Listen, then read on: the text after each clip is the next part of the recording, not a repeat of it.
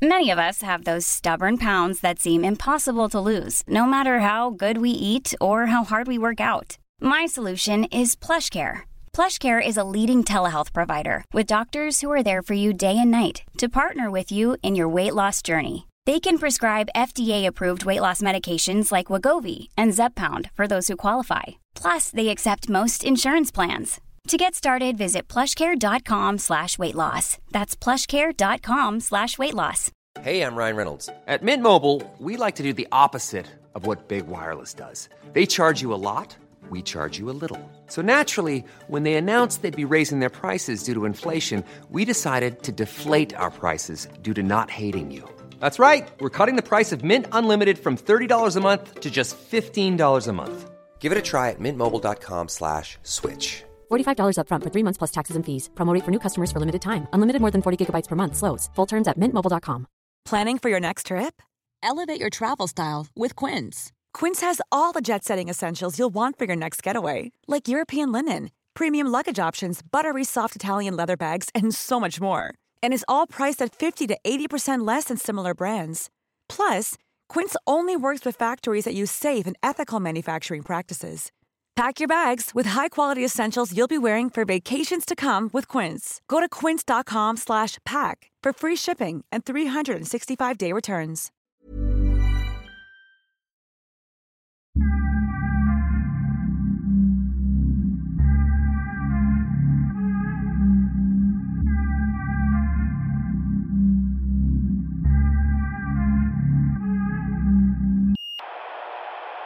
When I asked my father, uh, what would I do if a kid at school hits me? My father just looked at me. You hit them back. And then I asked him, okay, but what if like they don't hit me, but they call me names or bully me or something like You hit that? them. Do I do I call them names? He said, no, that's bad manners. You hit them. Exakt, din farsa har rätt. Fast jag skulle säga det är den här mentaliteten som vi har problem med i förorten. ja. Det, nej, det är förorten som har problem med din mentalitet. Ja, men det är ju så för grejen att det är den här alltså att man ska slå, eh, man ska slå tillbaka. Mm. Man har du läst slå- Bibeln? Öga för öga, tand för tand. Men förra middagen vi hade, då hade vi Eli här och han sa att eh, allting som står i Bibeln, eh, alltså man måste tolka det för den tid man befinner sig i. Man plockar det som passar en från ideologin. Vet ni vad som mer står i Bibeln? Ja, att man, kunde ha se upp, slavar. man ska se upp för falska profeter. Ja. Och jag säger inte att Eli är en falsk profet, men det står i Bibeln. Det står inte i Bibeln också att man kan ha slavar, men man ska behandla dem schysst och så. Ja. Ja. Och man kan ha sex med dem och... Nej men han är Ja. klockren, han har Ja. rätt. Du, Ja. plock, du plockar det du behöver från ideologin och det är Mm. exakt samma sak med machokultur. Du kom, det finns, så här, hur många av alla män beter sig som den här extrema machomannen? Skitfå. Men de få som är lagda åt det hållet och inte får kanalisera det på rätt sätt så att de blir assholes, det är de som eh, så kallat anammar machokulturen. Det, jag, jag menar, det är inte machokulturen i sig som gör att män blir så. Men vet, du vems fel det är? Det, Vems? det är ju kvinnornas fel. Ja, alltid kvinnornas fel. Vet du varför? Varför? Ligg ligg inte med sådana män. Poäng. Jag Men köper vänta, den en, en poängen. gång till. Vilka män ligger inte kvinnor med? Nej jag säger det så här, om problemet är machokultur, en viss typ av män som beter sig illa. Det finns ett jättelätt problem att bli av med det samhällsproblemet. Ligg inte med dem. Du, du menar att tjejer inte ska ligga med, att, att tjejer ska sluta falla för de badassen? Exakt. Sluta ligga med De är genetiskt programmerade att bli kära i badass. Nej, men då kan man inte klaga, du på, du göra då, men då kan man på inte klaga på det eller? eller? Då kan man inte klaga på det eller? Nej men vem klagar på det? Senaste timmen av podd bara. Ja men ni sitter ju bara här och liksom Men, eh, men, introvatta men faktiskt, eh, faktum är det här med när vi pratar om det här öga för öga, tand för tand. Det är ju exakt eh, den, den mentaliteten gör ju att när man slår någon så ska man slå hårdare. Och tanken är att det ska sluta någonstans men det bara fortsätter. Well, well, the thing is, not necessarily, must go not on. necessarily to hit harder, but like let's say, Hard enough. yeah, if if you're the person who's testing you or bullying you or whatever, he is totally convinced that you are never going to do anything to them. Mm. Why would they stop bullying you? But if they know that this bullying will provoke a reaction towards them, they are likely to think 10 times before they do it. Det handlar inte så mycket om att det gör ont att få en smäll på käften. Men det psykiska lidandet är större om du tillåter dig själv att andra kör med dig. Om du säger, om du, om du har varit utsatt för mobbing eller någon jävel och håller på med dig och sen till slut bara nej nu skiter vi då och du bara ger en en jävla omgång stryk. Du har aldrig mått bättre i hela ditt liv än efteråt. För, du, för då handlar det liksom om att du tillåter inte dig själv att att låta dig kränkas av andra eller ta skit eller hela den här biten. Utan du börjar stå upp för dig själv. Och jag tror det är viktigt att folk testar på det där att stå upp för sig själv lite. Fast eh, ett av problemen som jag ser det vi har i förorten det är just att människor känner, eller många unga killar har låg självkänsla. Ja. Och att, eh, Och stå, ko- att stå upp för sig själv och ge igen tror man att det är ett koncept för, alltså att det är en lösningen. Men eh, det, problemet är att de har ingen vänta, kultur där nej, ute. fast grejen är så här, det som händer också är ju att, eh, för det handlar ju om eh, vem du är Jo, det- han, här- han- vem du är handlar ju om hur mycket du kan ge igen för att stå upp för vem du är. Ja, nej, man, nej, det här är bara en detalj i det hela. Det de saknar, eh, alltså de, deras, de har ingen riktig kultur utan det de har det är, deras förebild är gangsterrappare från USA, sådana här gangstergrejer och du vet, öh, jag ska vara tuff och det är det som är att vara en man. Deras förebild är liksom kriminella när de är små. Och så, så de har en väldigt skev bild av det. Om de skulle om du sätter dem i en annan kontext, en annan miljö, att vara man det är också att vara gentleman och vara välbildad och kunna saker och föra dig och ta hand om svaga och sådana grejer. Om det blir en del i mansrollen också. Så, men de, de saknas där. Det enda de alltså ser det är det här fysiska här och nu. allt, allt är upp och ner för dem. Så när du, när du frågar dem så här, respekt, då, bara, då säger de respekt är någonting man tar. Så, bara, men Man får, respekter, ja. eh, precis, respekterar du någon? Nej, nej, nej. De, de ska respektera mig. Så det börjar liksom från fel ände. Inte att jag ska respektera dig så respekterar du mig, utan nej, nej, du ska respektera mig. Det slutar där. But but also, I think in that specific example, like for example, if we go back to to the children, like I said, it's not that they are going to kill each other. The parents or the the adults have to be there to keep an eye out that things don't get out of hand. There is a point at which they are. It's good for them to be challenged. Not too much below that point, but not too much above that point for them not to be traumatized either. But and the same thing can be said even about like kids in uh, in uh, in the suburbs the adults there or the or the parent or the watcher should be the police. it's the police who who's who's able to set limits to what or supposed to set limits to what they are able to do. mm. Ja, det blir väldigt mycket. man skulle behöva lite mer skamkultur i orten. Att, nu är det här får inte Omar kommentera för, med tanke på hans jobb. Men skamkultur är bra på det sättet att du sätter press på föräldrarna. Att om ungarna gör någonting så får föräldrarna skämmas. Och så funkar ju sve- svensk rättsväsen, det bygger på det. Det är därför vi inte har straff i, egentlig mening. Du kan ju bete dig jävligt svinigt utan att hamna i fängelse. För tanken med det var ju att du får skämmas så mycket i samhället för att du begått fel. Så där är den största delen av bestraffningen. Det andra är lite mer formalia. Social norms are Ja, exakt. För ja. då, då bryter mot sociala normer. Ja. Ja. Och alla får veta det. Det stod i Mm, lokaltidningen. mm, Även om du inte skrev ut namnet så visste alla vem det var. För folk är ju bara skvallerkärringar. Jag kan bara dra ett exempel. Ehm, Jag har stoppat eh, bilar där det är fem, sex, fem eh, busar från förorten. Eh, De röker gräs och påverkar och de hånar och häcklar mig när jag ska Mm. rapportera dem. Det hade jag med gjort, men Eh, okej. Ja, ja, framförallt när jag pratar östgötsbrytning. Ja, och är, det- är det du som hade kommit där Ja. som stora stygga polisen så jag, Vad jag, jag, Sam, sam, samma person, eh, och de här tar vi in till polisstationer, de, får, eh, liksom, vi, de blir misstänkta för narkotikabrott, de får ge blodprov, eh, prov, eh, kissprov och allting. Så de blir Så säger du att du ska prata med deras mamma. Ja. Samma, de. samma personer, eh, ett halvår senare, eh, tar vi fast på, vid ett pågående lägenhetsinbrott. Eh, vi drar ut personerna, eh, bojar dem och eh, väntar på förstärkning. Eh, då är vi ute på gatan. Och människor börjar gå förbi och bilar Och titta, på oss och Då tuta och ja. applådera. Jag har aldrig sett människor, eh, ungdomarna, lida så mycket eh, som de gör när de, när de känner sig så pass ska- skamsna. Och att alla andra tittar och ser och observerar dem. Och jag ser även parallellt kring när, vi, när man filmar i förorten, då maskerar man sig förut innan corona. Och det har ju också att göra med att syns man på tv, syns föräldrarna, släktingarna som ser en, så får man ju skämmas oerhört mycket. Ja, men alltså skam, skamkultur är jätteeffektiv. Jag kan berätta en Det, sak. vore, det, det- bästa det- vore ju om det- kom ifrån ett, alltså att, att känslan att vilja skapa förändring kommer Ja. från en annan sida. Ja, och, Ja, och, men- och, men och alltså- det är bara de inifrån som kan, som kan skapa den här skamkulturen och bryta det. Alltså att det här med att gå runt men det, och... det är exakt så det funkar när man börjar anklaga sådana som mig för att vara rasister och jättehemska och bla bla bla. Det är ju en skamgrej. Det är ju inte det att de på allvar tror att jag är rasist för att jag driver min tidning eller något sånt.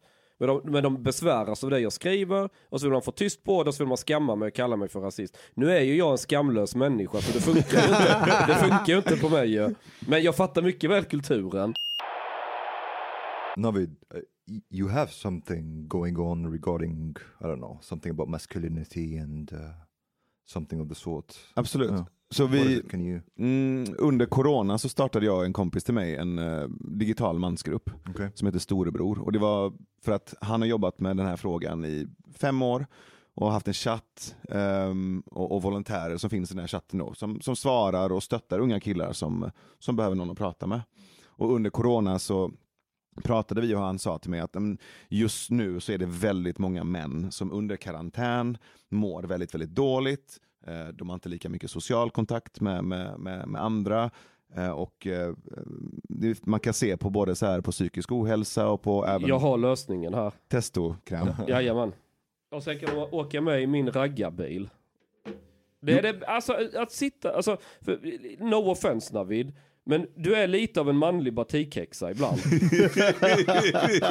och så ska man ringa till dig och prata om sina känslor och problem och bju, bju, bju, bju. Nej, en spruta testo i arslet på dem, två örfilar in i Impalan så åker vi till Rättvik och går på Okej, ag- raggarträff. again. Det är det bästa medicinen om du suttit och mått dåligt och börjar bli, det är östrogennivåerna som ökar i dem när de inte, du vet, det är det som är Okay, for, problemet. for all the guys who are listening right now, if you have good testosterone levels, do not take this testosterone cream that uh, Chung is. Men ni ser väl hur perfekt jag är?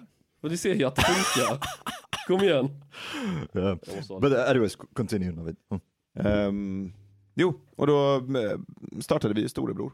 Okay. Ehm, som egentligen är ett Zoom-samtal. ehm, och män som möts och pratar om det de behöver prata om. En och en halv timme, två timmar. Do you think there is a problem with masculinity in Sweden today?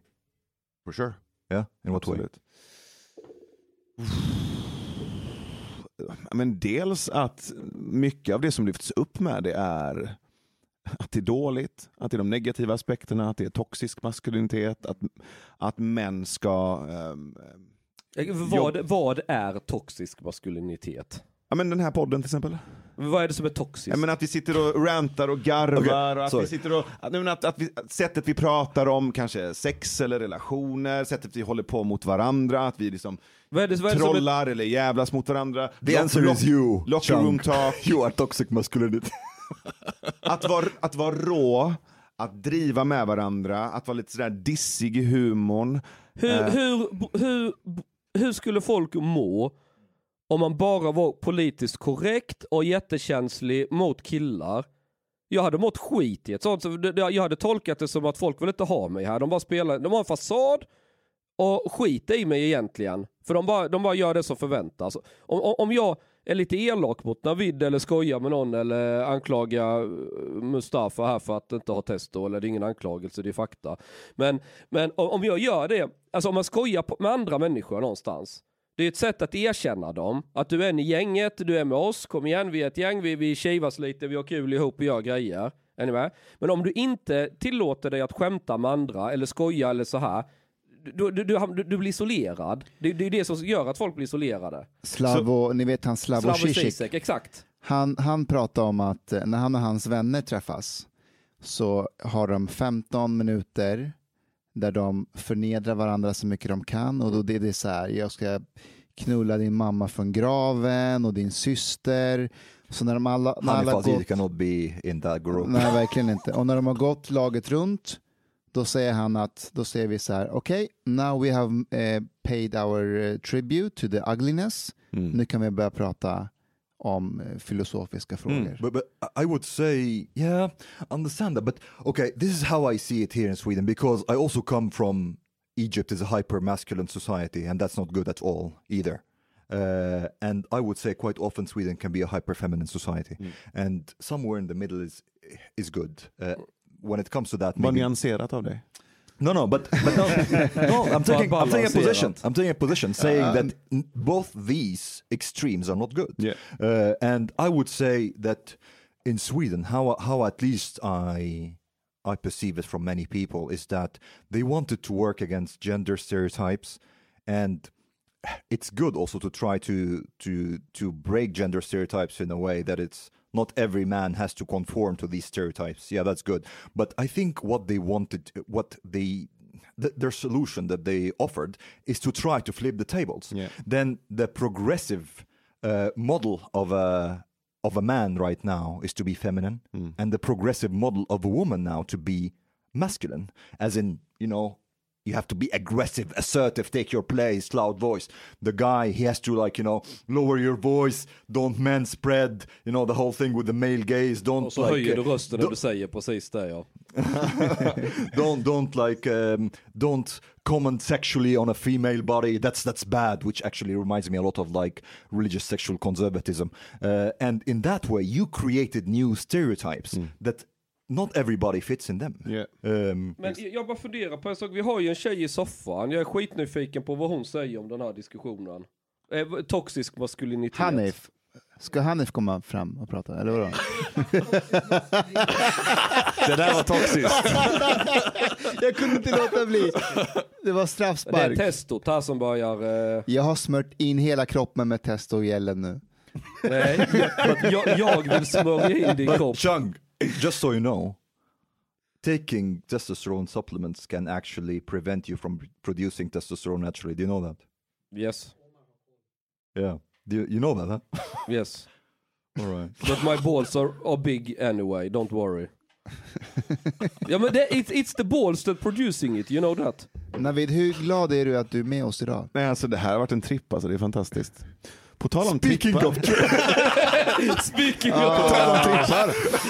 Fuck. Nej men jag tycker, alltså masku- det här toxisk maskulinitet, alltså hela det snacket får ju killar att må dåligt. Om du har ett samhälle där du inte får lov att vara kille, utan du förväntas bete dig liksom könlöst och Alltså förstår ni vad jag menar? Men alltså, fin- backa bandet på 70-talet. Eller 50-tal, när tjejer var snygga. Kommer ni ihåg, har ni sett bilder på den tiden? Då, då såg tjejer riktigt snygga ut, inte som idag. are you saying that women are ugly today in Sweden Ja, eftersom det, vi, vi uppenbarligen inte har någon tjej i det här rummet så kan jag ju säga det då ja. Eh, och, och, så, i, och så kollar man idag, liksom, de nästan ser ut som karar och beter sig liksom. Men då var ju folk riktigt, du vet, killarna klädde upp sig, raggarbil, de kunde vara maskulina och hela den här biten. Men folk mådde bra, tjejer mådde bra i det. Alltså, okej, det fanns, allt var inte perfekt, men du förstår vad jag menar. Well, yeah, I understand what you say. I don't. Du, totally, du har ju inte Yeah, detta samma grej idag. I, I don't totally agree. I think there has there has been a lot of problems back back there because people who did not conform to these stereotypes were als- also harshly punished. Uh, so Nej, inte i Sverige skulle jag inte säga. Det var, alltså, det var ganska tolerant.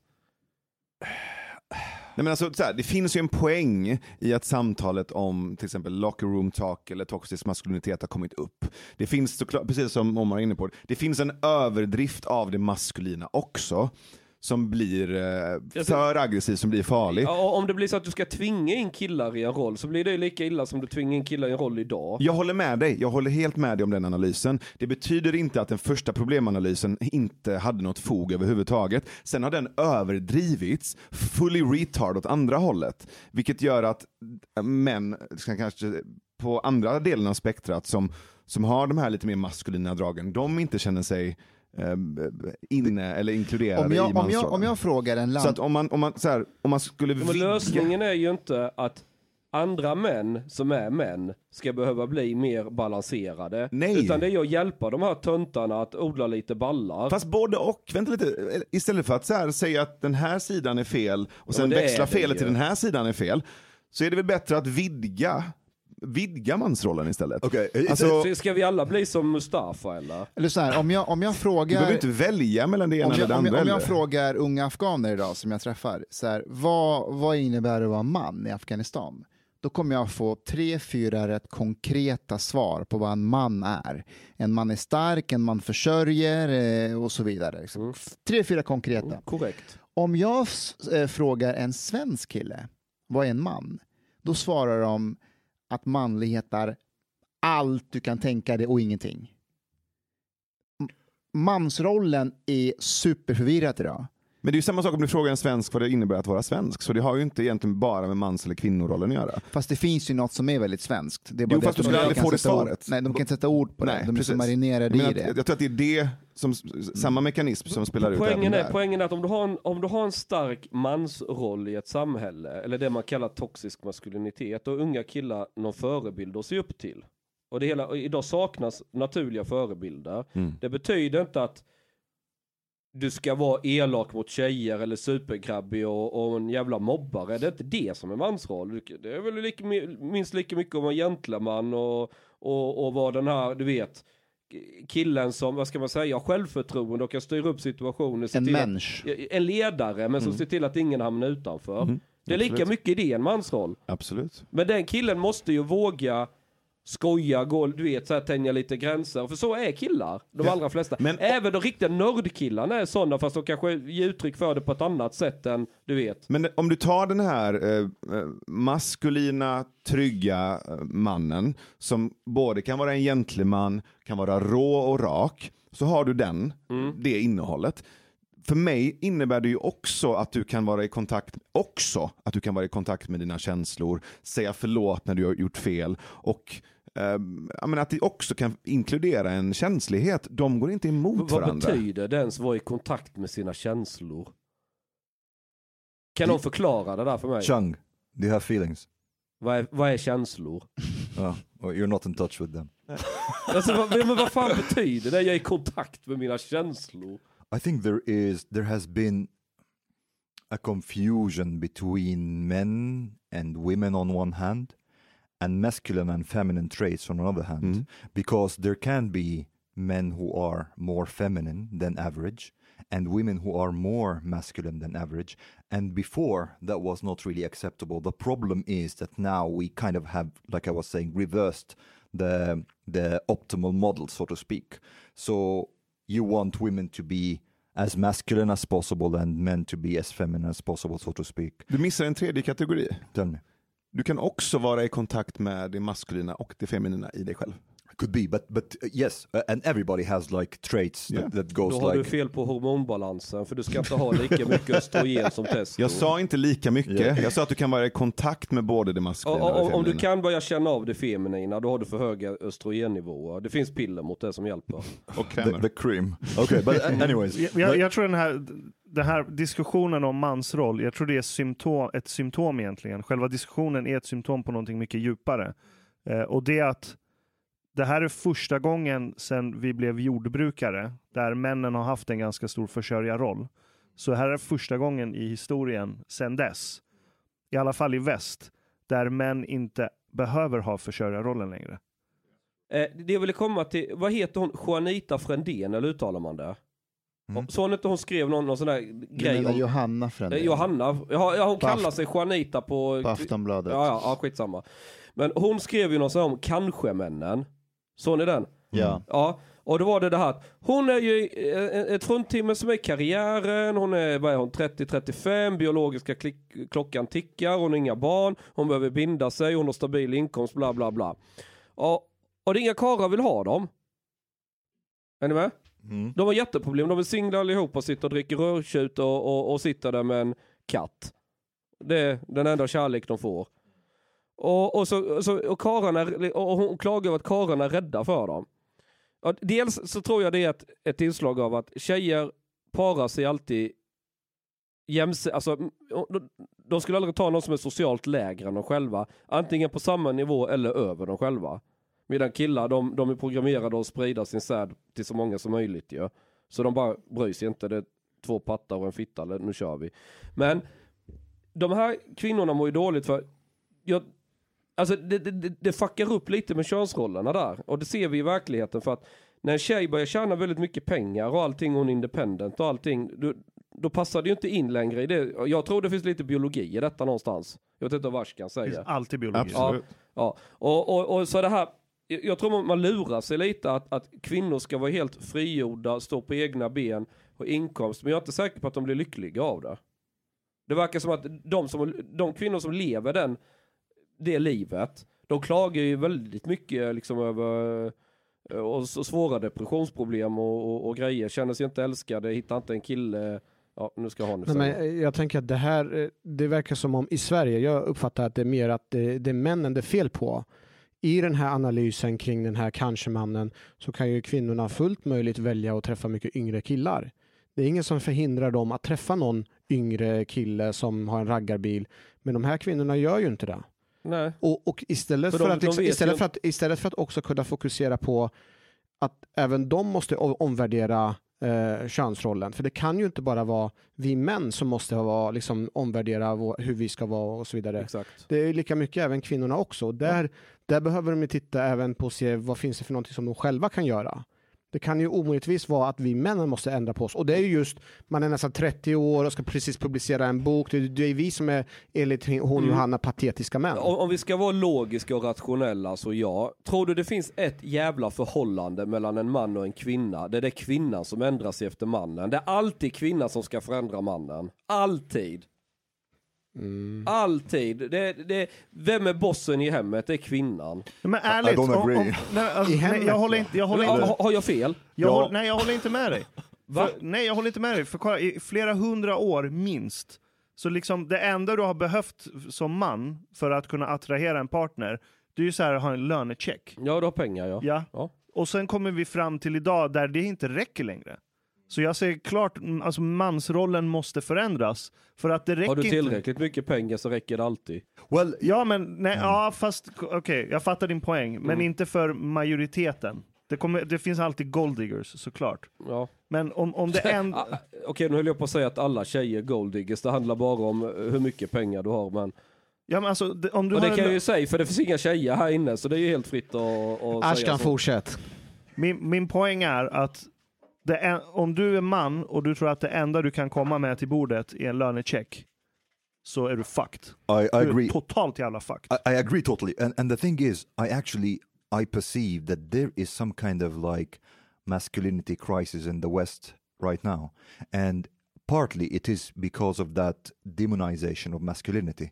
That basically, because throughout history, men want like needed in society masculine role models to kind of like guide them and, and or almost like uh, raise them in a way, not not just like the parents. You need male figures, role models in the society, and I see I don't see tho- those role models existing anymore in our uh, point in time in the West. Vad, vad skulle en sån eh, rollfigur vara?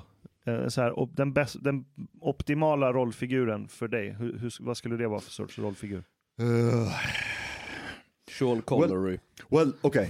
There, there is there is two things I think that uh, that so there could be the intellectual side, but also there is the there is the biological evolutionary male aggression that exists in a lot of men that needs channeling in a way that can be constructive and good for society. And you need to have some meaning and purpose in your life, and you need to be able to process this energy in a way that is not destructive and also one that creates meaning and purpose for you. Th- th- that's why they invented the crusades and religious wars. Well, in a way, that is a channeling of that, but it's not, that's not really the channeling that we want to have. It is constructive.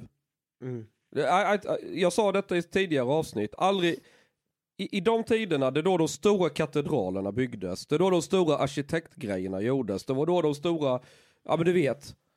När, när, när, och det handlar när, när människor som kollektiv har mål och mening, utsätter sig för en prövning.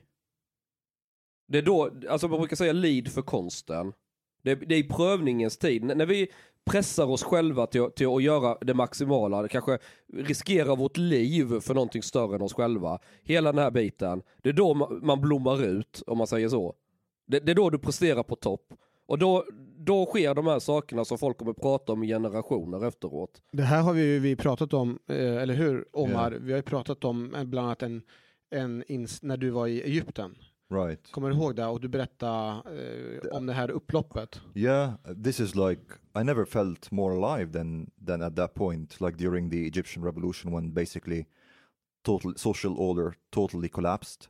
There was no police, uh, and like the criminals and the thugs were going around like shooting people and looting and so on, and we had to organize neighborhood watch and make makeshift weapons. And hmm. i was like waking up at night with a like holding a spear and and having like makeshift molotov cocktails sitting with them waiting for people that who would come to attack my home for me to defend my home and kill them. And this this is like one of the high points of my life Ja. Grottmänniskan i dig fick äntligen blomma ut. Och jag kan koppla till det också, framförallt inom polisrollen och när vi åker iväg på insatser och framförallt när det är upplopp och det sker ett angrepp mot oss. Eh, alltså det, det finns ju någon, jag, kan, jag tror det är samma känsla att man känner sig verkligen levande eh, och närvarande och man känner sig att, man, att jag tillhör en enhet och att jag kan vara med och göra skillnad. All träning, styrka, allting som jag har varit och övat på kommer jag kunna använda mig av och det här samhället uppskattar mig utifrån min roll och kunna vara med och stoppa det här och vara med och kriga på det här sättet. the question is how do you channel this energy in peaceful times Ja. jag vet inte Ja, men, Nej, nej, det, det är därför fredstid är jättehemskt. Nej, men det här kommer ju upp, när vi, när vi har de här storebrorsamtalen så kommer ju det här upp hela, hela tiden. Någonting som vi pratar om väldigt mycket är just, ja men många av de här Men alltså är männen... ni också så här toxisk eh, maskulina då? Nej men, Eftersom ni pratar Nej, om samma titta, grej som vi på, gör. Titta på Navid, kom igen. Men han, säger, han erkänner att de pratar exakt om samma sak som vi gör. sorry. nej, men jag menar att vi, vi pratar om de här aspekterna av att, eh, men jakten på mening, och på meningsfulla sammanhang, men också att kanalisera energi. Alltså ur de här samtalen, som vi började med bara ha Zoom-samtal, men ur de här samtalen så har det ju startats eh, träningsgrupper, eh, många av de här männen har ju börjat träna kampsport tillsammans för att kanalisera aggressivitet på ett konstruktivt sätt. Någonting som vi har lagt märke till är just det här med meningsfullhet. Så här, jag får vara med och bidra med någonting som skapar värde för någonting som är större än mig själv. Och många av de här männen de ser en poäng dels i att ha de här samtalen, men det slutar inte. Vi har ju samtal en gång i veckan. Men det som har varit också ett stort värde i det här är att de har börjat träffas utanför de här samtalen och gör saker tillsammans. De har projekt, de har musikprojekt, de har träningsprojekt, de, de hittar på saker tillsammans. Och där börjar någonting hända. Jag tror absolut inte att samtalet är det som, som kommer fixa allting. Men det många av de här männen upplever är att de i de här samtalen kan prata fritt. Vi har ju inte en samtalsform som är så här snäll och mjuk hela tiden, att man måste sköta sig. Vi har också ganska högt i tak och vi tillåter oss själva att vara råa men också uttrycka sånt som är smutsigt och äckligt och jobbigt. kan Chang vara med Kang är superinbjuden, absolut. Eh, för, eh, Navid, jag, jag, jag hör någonting annat när du pratar om det här. Eh, och Annat det, än vad då? I det här du berättar Mm. Så- läser jag också att eh, många av de här männen verkar vara väldigt ensamma. Absolut. Fast, Eh, för att det, det verkar som just det här att kunna uh, ha en gemenskap. Att va, hitta Ja, på men- men- grupper, vänta. Att, att, den, äh, att, det, att det är den delen som är också fattas. Och det vill jag koppla ihop egentligen med till den samtid vi lever i, i det här individualistiska samhället. Ja.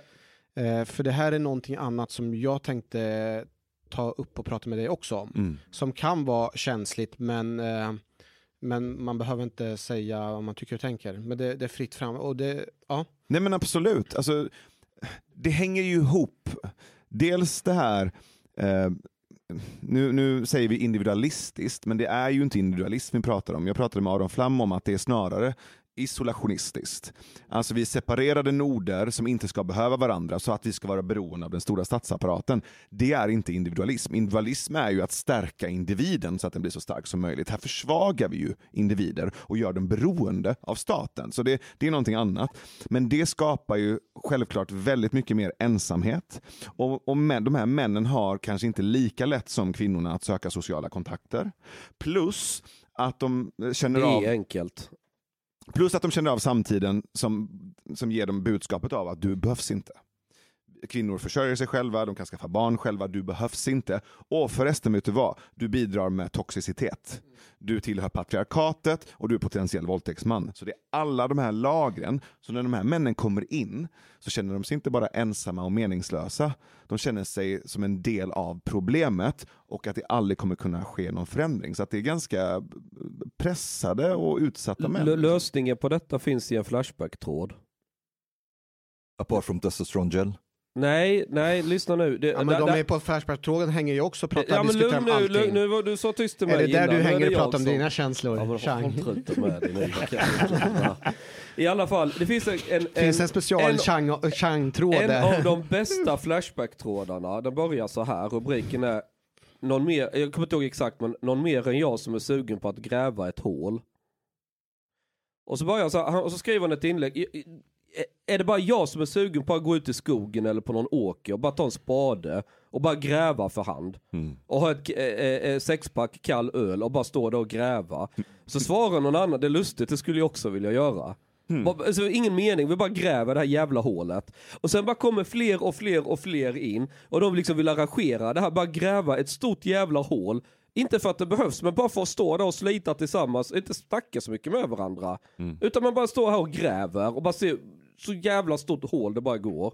För att alla har det här urge i sig, att jag bara, du vet, vill göra detta.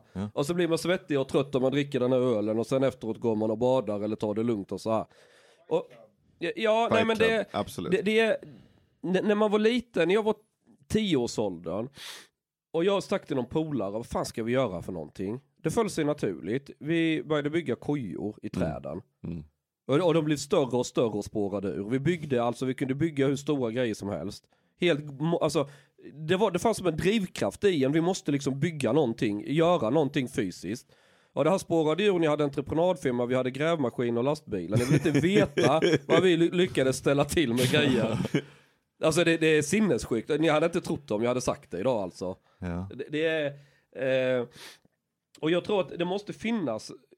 Jag, jag tror man, om, om man ska göra en stor tjänst till män så ska man av, ta något sånt här gammalt skjutfält eller något som inte används som är flera kilometer gånger flera kilometer stort.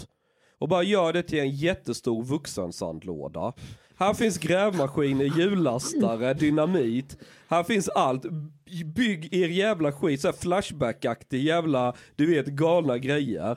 Här kan man hålla på och snickra och gräva och, och gjuta betong och, och allt sånt. Ja, det hade varit alltså, riktigt, det hade varit en bra grej för mäns mentala hälsa. Could be, but but also I think yeah I agree, but I think it, it it kind of like needs to be coupled with some sort of like meaning and purpose in a way that is higher than than just the individual. Och det kommer skapas ett sånt. Säg att här gäller inte EU, ni får skapa en egen ministat. Och grejer, och så, ska det, och så blir det clan wars där inom, du vet. Alltså det kommer bli hur kul som helst. Jag, jag håller med Chang i i det och det är därför jag är för värnplikt.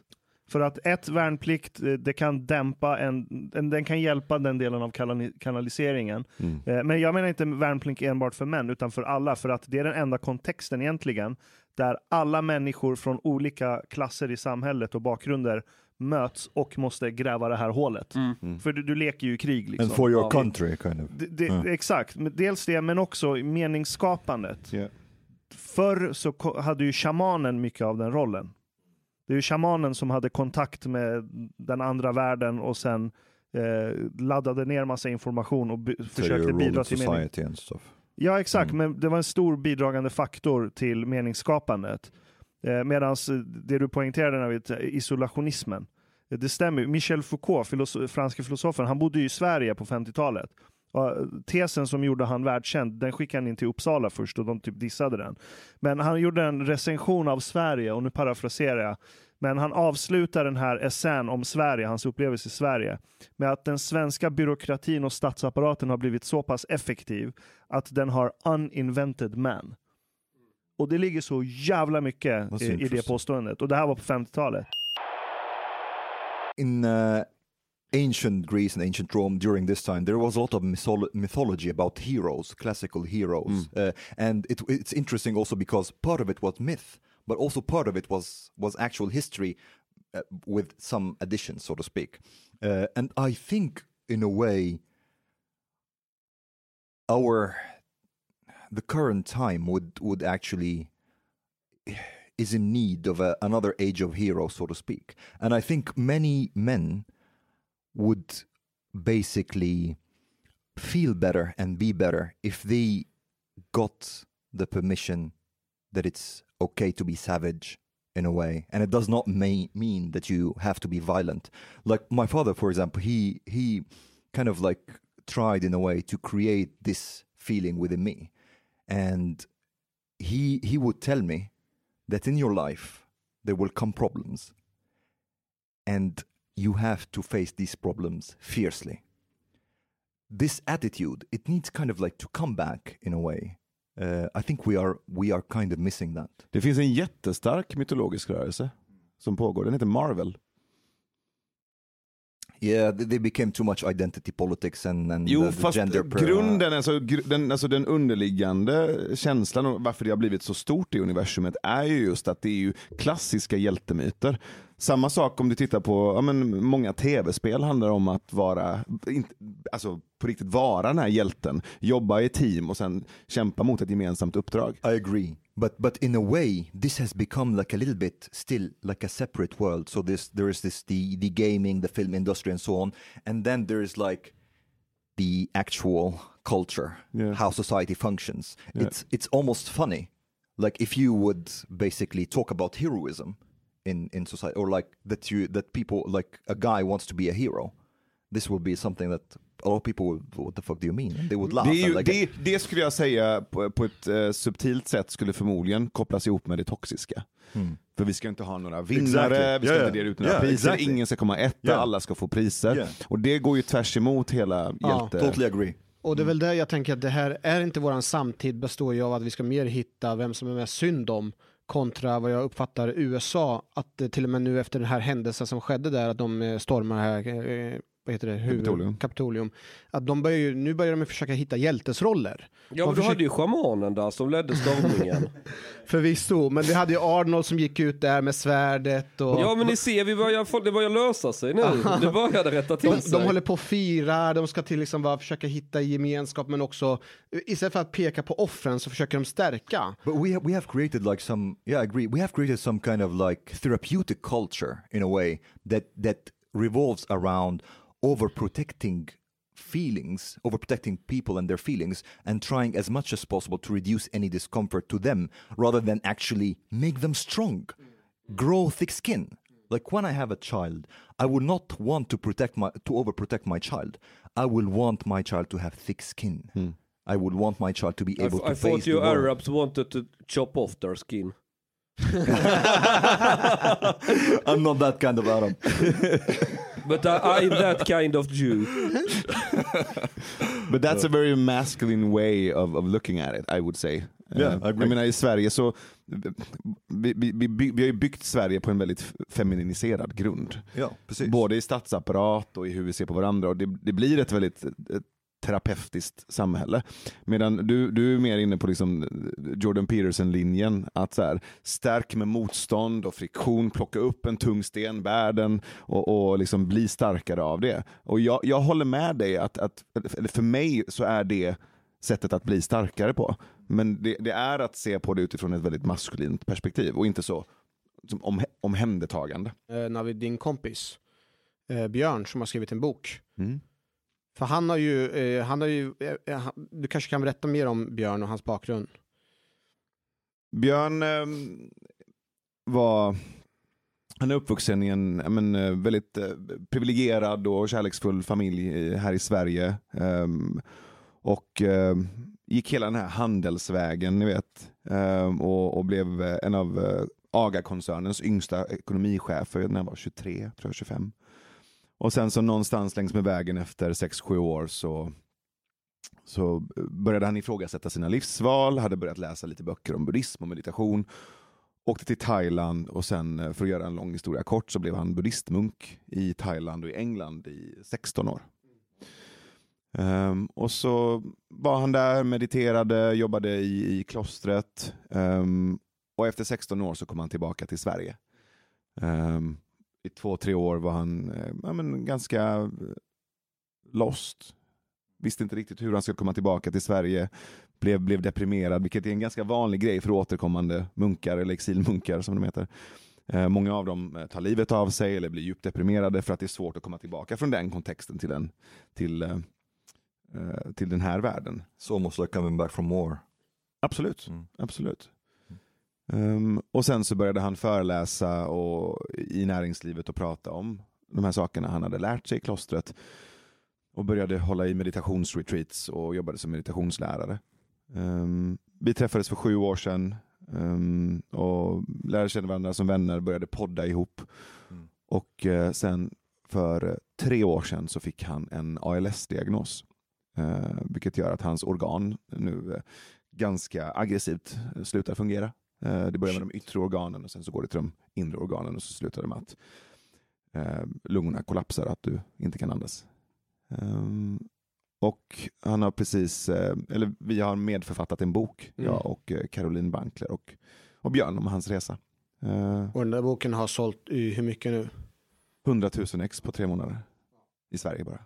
Och den har sålts in till fem länder också. Nu i, kommer den ut på fem, minst fem språk till i år och det fortsätter. Eh, säljas in till nya marknader. Och jag tänker att eh, Björn fungerar som en alldeles utmärkt förebild för väldigt, väldigt många och vad jag har förstått även företagsledare. Du menar, men, pratar, eh, kopplar du ihop det med de här manliga förebilderna? Ja, exakt. Mm.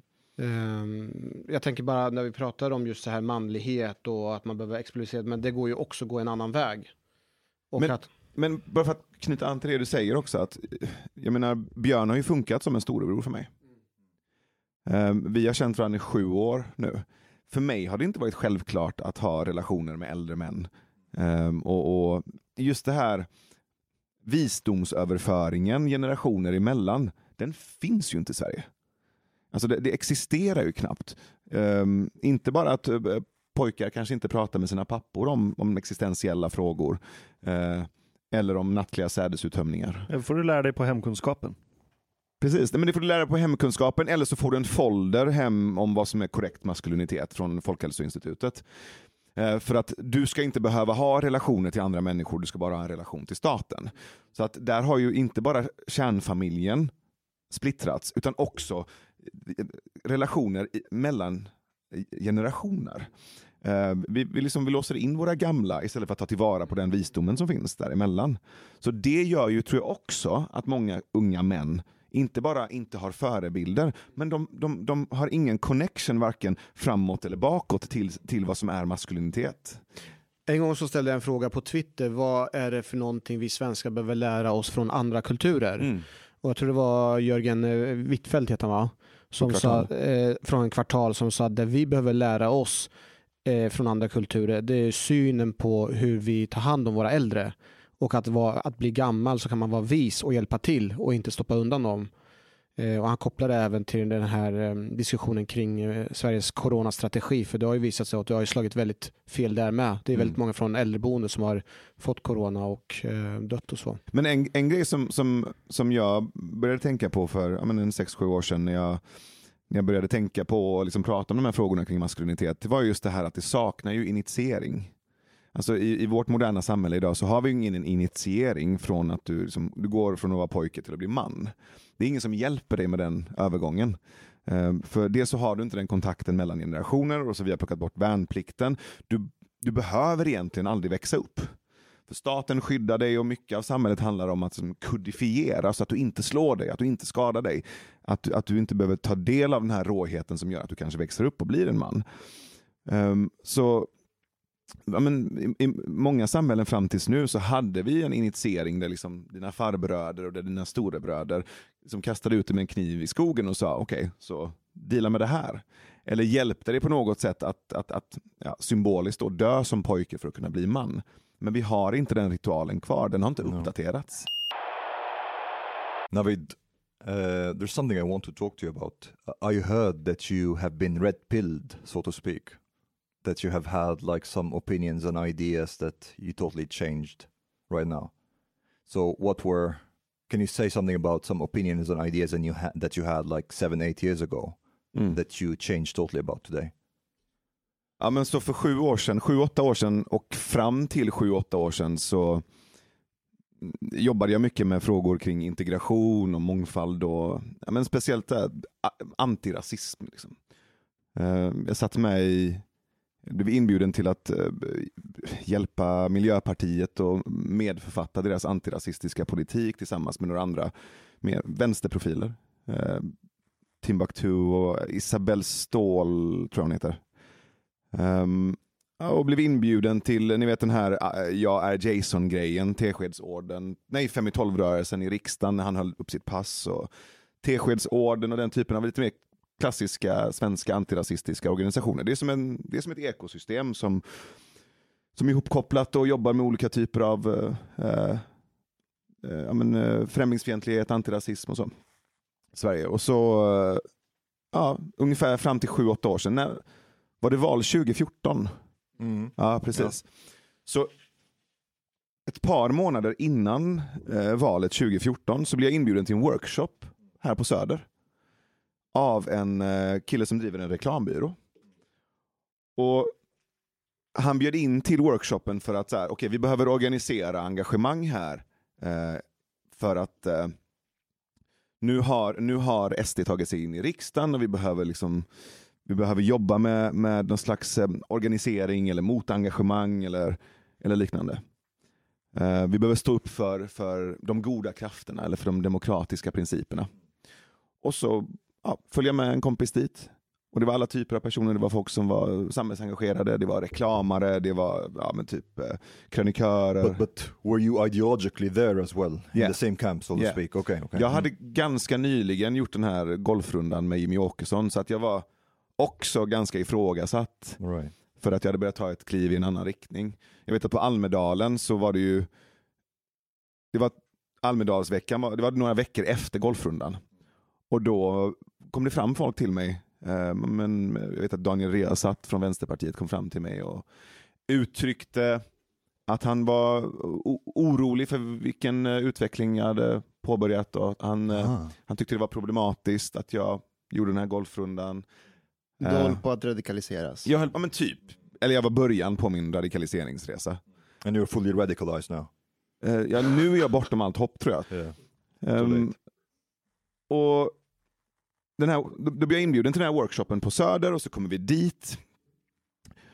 Och så första sliden, Um, på den första sliden så står det så här. Eh, så ska vi hindra SD att få röster i valet. Och det är ganska så här påhejad stämning och mycket energi och det är så här, Och så ska du förstöra partyt och så, och så börjar, börjar han så här, men nu ska vi dela upp oss i grupper och ska vi börja prata, är det någon som har några frågor? Och så sitter jag och tittar, jag bara väntar på att det är någon som ska säga någonting. Och så är det, alla är ganska på att göra det här, så jag liksom räcker upp handen och så säger jag, men hörni, det här, är det inte, det här, inte det här ganska problematiskt? Ska vi verkligen workshoppa hur vi ska förhindra ett annat parti att få röster? Eh, jag tror inte att det är den vägen vi ska gå. Och då började en ganska hetsk debatt om... eh, Du om sabbade stämningen. jag, jag, jag stabbade stämningen och det, jag märkte Alltid är att, det någon som ska hålla på så där ni vet. Precis som man ska göra något riktigt kul. Yes, nu ska vi tvåla dit de där jävla SD. Ja, då kommer den där och bara Nej, är det här speciellt bra idé? Ska vi inte göra något annat istället? Nej, nej, nej, nej. Jag tycker jag lider med stackars Riazat och de andra. ja, fortsätt, låt inte mig störa. Okay, så, eh, och då, då var han diplomatisk nog, eller slash konflikträdd nog att säga, eh, ja, det var ett intressant perspektiv.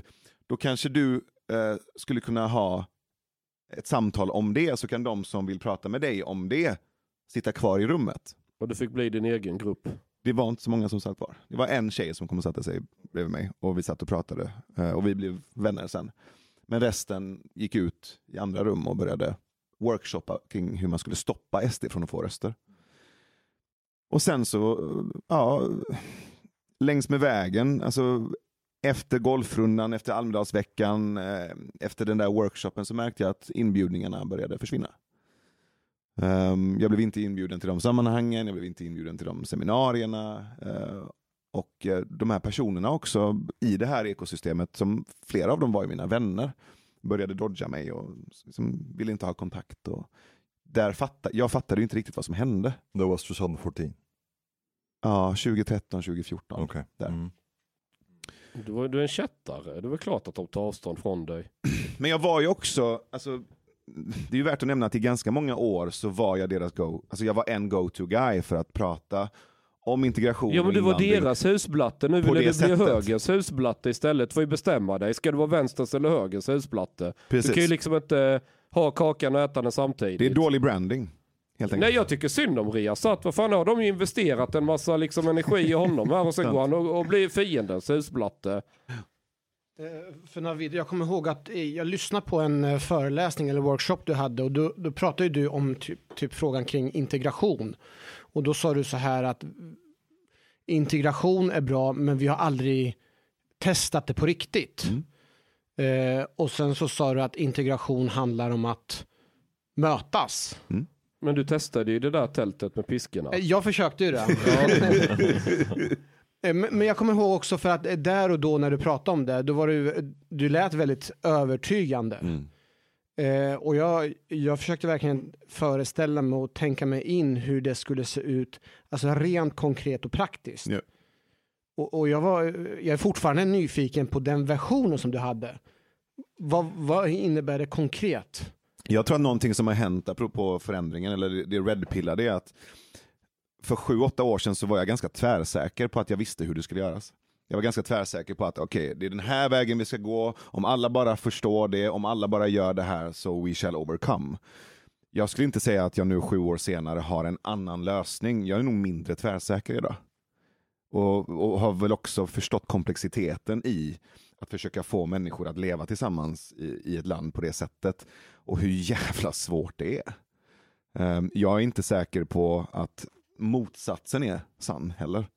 Att motsatsen till exempel då, från att gå från att ha totalt öppna gränser, det är bara kärlek och vi, vi, så länge vi fokuserar på medmänsklighet och kärlek och öppna gränser så kommer allting lösa sig. Jag tror inte att motsatsen heller är sann. Att om vi bara stänger gränserna, om vi, om vi, om vi bara så här, tuffare tag så kommer allting fixa sig åt det hållet heller. But but don't you think that there is also even in that in this way of thinking there is also some risk that kind of one ends up not taking any position at all. Hmm. That one is not sure at all about any position to the extent okay I'm not taking any position. Do you think Men- there is a risk for that? Nej, det är ju hela hans affärsidé. Han vill ju bjuda in alla möjliga till hans podd ju. Yeah, yeah, but but but I'm, but I'm talking about what he thinks himself. But do you understand what I mean? Yeah, what I yeah, want to say. yeah, for sure, If, if for one sure. wants to, like, let's say, we, talked a little bit about like uh, nyansextremism eller eller Nyansextre- Nyansextremism. Ja. Mm, Bra vi har en vän som är nyansextremist. Vem är det? Du. yeah, but, but you know, nyansextremist? Du är Ah, nyansextremist. when you don't when you want to be like so nuanced and so balanced in a way that you end up you know I see the point of that and I see the point of the other side and see the point of all sides. And everything has a point and also everything is not totally right. And I am not taking any position anyway uh, one way or the other. Uh, and I think sometimes like people try to be too balanced in a way uh, and there is a difference between being balanced and being elaborate or detailed in your position. Um, what do, you think there's a risk uh, for that? Absolut. Mm. Absolut. Jag tror att jag kan ha varit där. Jag tror att jag kan ha försökt. Notera sig inte att han var där, han kan ha varit där. Så han är fortfarande balansextremist, eller nyansextremist. Nyansextremist. Ja. Ehm, men de senaste åren har jag försökt balansera min nyansextremism. Alltså, det där ordet, det fastnar i huvudet och vad man än säger så kommer det där fram. Jag vill inte vara Nej, det är nyansextremist. klart att jag har eh, starka principer och åsikter också. Okay. Jag Som- tycker, jag tycker inte att det i alla lägen är det som är det relevanta att ta upp bara. Ehm, Kan du ge exempel på när du har en fast åsikt eller princip? nej men när det kommer till, ta frågan om integration eller invandring. Så men många av de samtalen som jag och Mustafa har haft, till exempel att, att inte förminska människor som kommer till Sverige genom att, genom att försöka lätta på kraven på dem eller försöka förminska dem.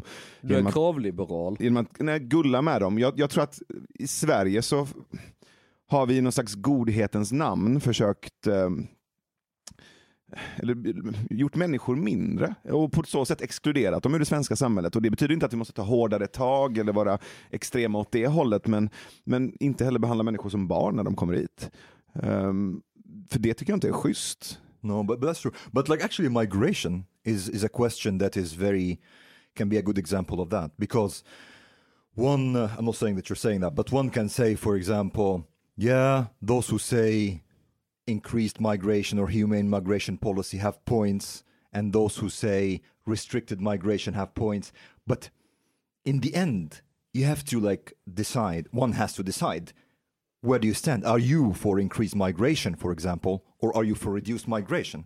When it comes to that, you can't have a nuanced position or neutral position in that way, I think at least. Men nyanserad och neutral är inte samma sak. Um, could be, but uh, Du måste but- balansera mellan de här två but begreppen. I, I would say Nej, men nyanserad betyder att du är noggrann och förstår komplexiteten i en process som integration. Neutral betyder att du inte tar någon ställning. uh, true, true, linguistically, I guess true, but also Så min position i till exempel migrationsfrågan är, jag tycker absolut att vi ska bjuda hit människor och, och ha en generös flyktingpolitik. Hmm. Det är min position. okay. Men samtidigt måste det ju funka i integrationsprocessen när människor kommer hit. Och det har det ju inte gjort på många plan. So you're saying like we can have a generous migration policy so long as we are able to Yes, att klara av det. absolut. Och vi har inte klarat av det särskilt bra Okej. på många plan. Hmm. Så därför, därför, så vi kan inte bara vi kan inte bara fortsätta släppa in människor, för det motverkar, tror jag, möjligheten att fortsätta ha en generös flyktingpolitik. Det skapar en negativ attityd, det skapar eh, men en, en folklig opinion som inte vill ta emot någon till slut kanske. Vad betyder generös för dig? För, här, om, jag, kan säga, jag kan lägga mitt ställningstagande, för jag hör fortfarande nyansering. Så om jag lägger mitt ställningstagande och så kan du orientera dig utifrån det, så kan vi se vart vi, Mhm. om vi håller med eller inte. Mhm. Jag tycker inte, att- eller för mig går inte ekvationen ihop att ha en välfärdsstat och samtidigt ha idén om att vi ska vara öppna för hela världen. Och det är en fråga om matematik. Det har ingenting med etik att göra. Vad betyder öppna för hela världen? Nej men så här, att alla som behöver hjälp ska få komma till Sverige, alla är välkomna. Eh, hela den här 2015-rörelsen. Liksom, jag kommer inte ihåg vad, vad, vad de hade för Ashkan. slogan. Ja. Det, det finns en mycket stor tänkare som heter Henrik Alexandersson, Hax på Twitter. Och han sa en sak att du kan ha öppna gränser, du kan ha en stor välfärdsstat och du kan ha demokrati. Men du kan bara välja två av dem. Det är en jävligt bra poäng. Och det är därför jag, jag, det är därför jag alltid hamnar i libertarianismen. Mm. För jag, jag, jag är extremt för öppna gränser.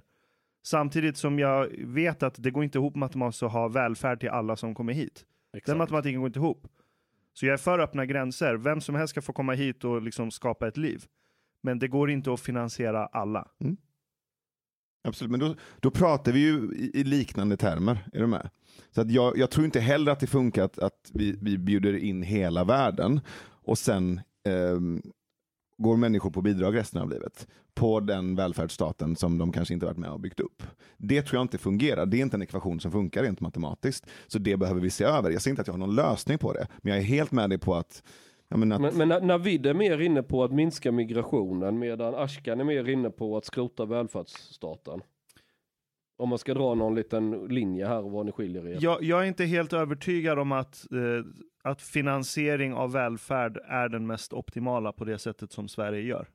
Och, och, och vi är ganska hjärnt... Alla gamla avdankade sossar, vad ska de få ett jobb om vi inte har massa institutioner att Ex- sätta dem på? Och, och du sätter fingret på ett stort problem. Det, det, svenska staten har blivit extremt dekadent där du har väldigt många beroende relationer i statsapparaten. Det, är liksom, det finns ett nepotismkapital där som heter duga. Där folk är skyldiga varandra tjänster, gentjänster, folk ska dunka varandra på ryggen. Så de har ju byggt upp en hel liksom, finansiell motor för sig själva det, och det, sin värld. exakt, det är det Marcus Allard kallar för, jag tror han kallar det transferiatet. Ja, Det är en samhällsklass som är helt beroende av alla bidrag och hittepåjobb Ja. och allting åt staten.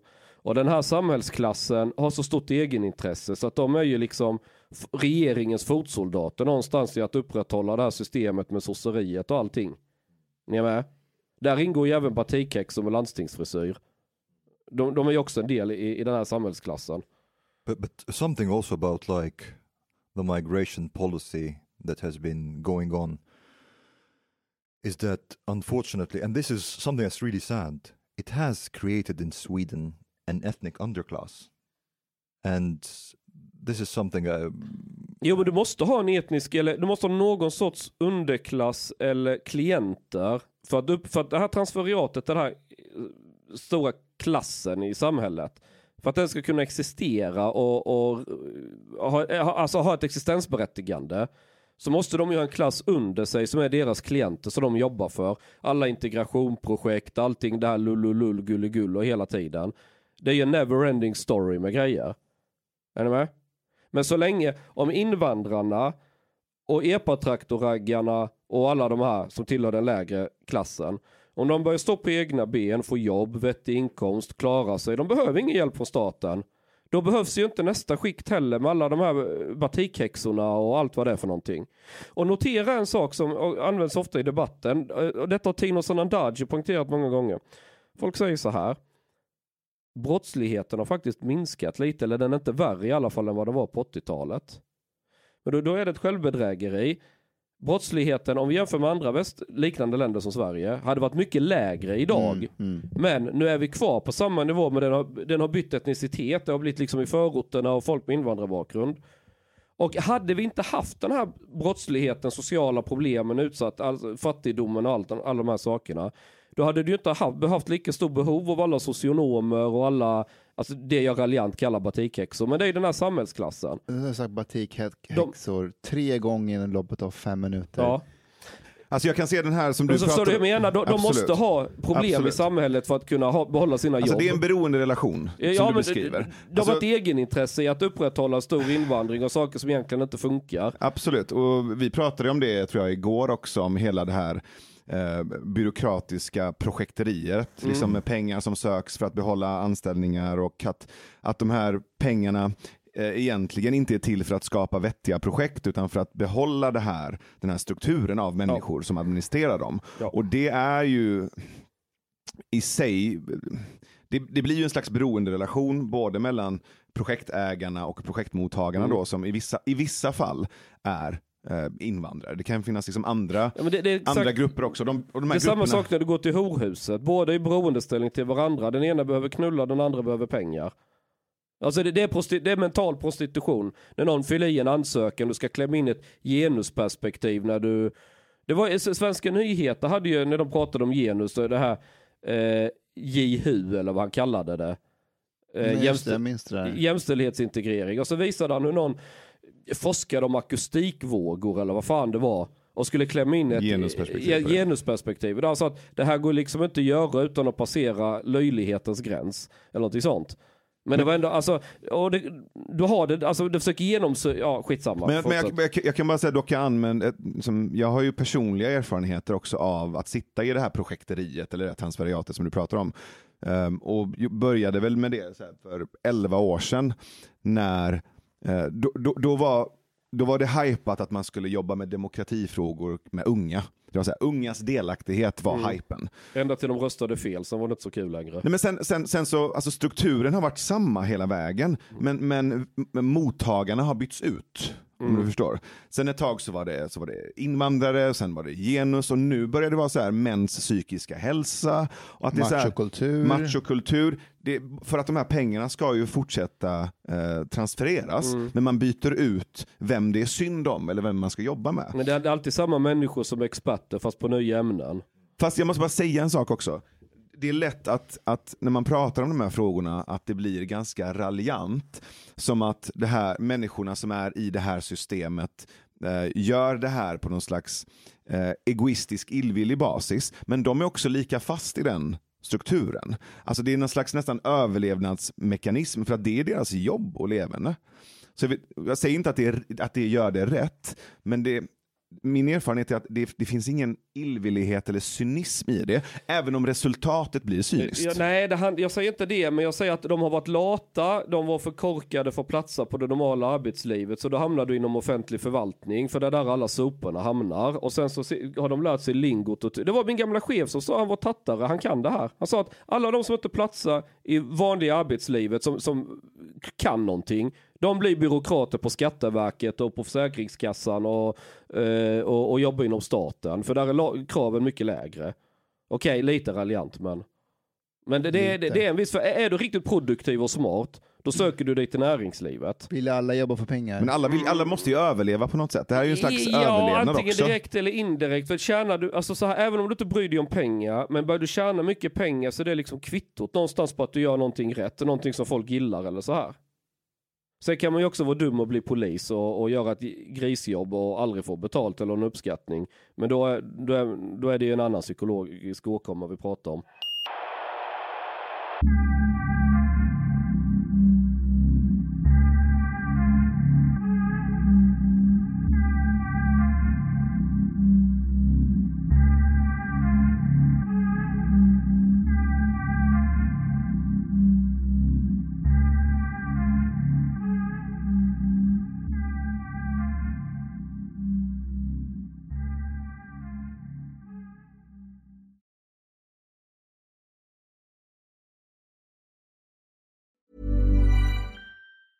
Hi, I'm Daniel, founder of Pretty Litter. Did you know cats tend to hide symptoms of sickness and pain? I learned this the hard way after losing my cat, Gingy. So I created Pretty Litter, a health monitoring litter that helps detect early signs of illness by changing colors, saving you money and potentially your cat's life. Pretty Litter is veterinarian developed, and it's the easiest way to keep tabs on your fur baby's health right at home. Go to prettylitter.com and use code ACAST for 20% off your first order and a free cat toy. Terms and conditions apply. See site for details. Hey, it's Paige DeSorbo from Giggly Squad.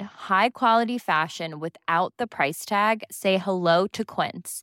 I'm snagging high-end essentials like cozy cashmere sweaters, sleek leather jackets, fine jewelry, and so much more. With Quince being 50 to 80% less than similar brands. And they partner with factories that prioritize safe, ethical, and responsible manufacturing. I love that. Luxury quality within reach. Go to quince.com slash style to get free shipping and 365 day returns on your next order. Quince.com slash style. Imagine the softest sheets you've ever felt. Now imagine them getting even softer over time. That's what you'll feel with Bowl and Branch's organic cotton sheets. In a recent customer survey, 96% replied that Bowl and Branch sheets get softer with every wash. Start getting your best night's sleep in these sheets that get softer and softer for years to come. Try their sheets with a 30-night guarantee. Plus, get 15% off your first order at bowlandbranch.com. Code BUTTERY. Exclusions apply. See site for details.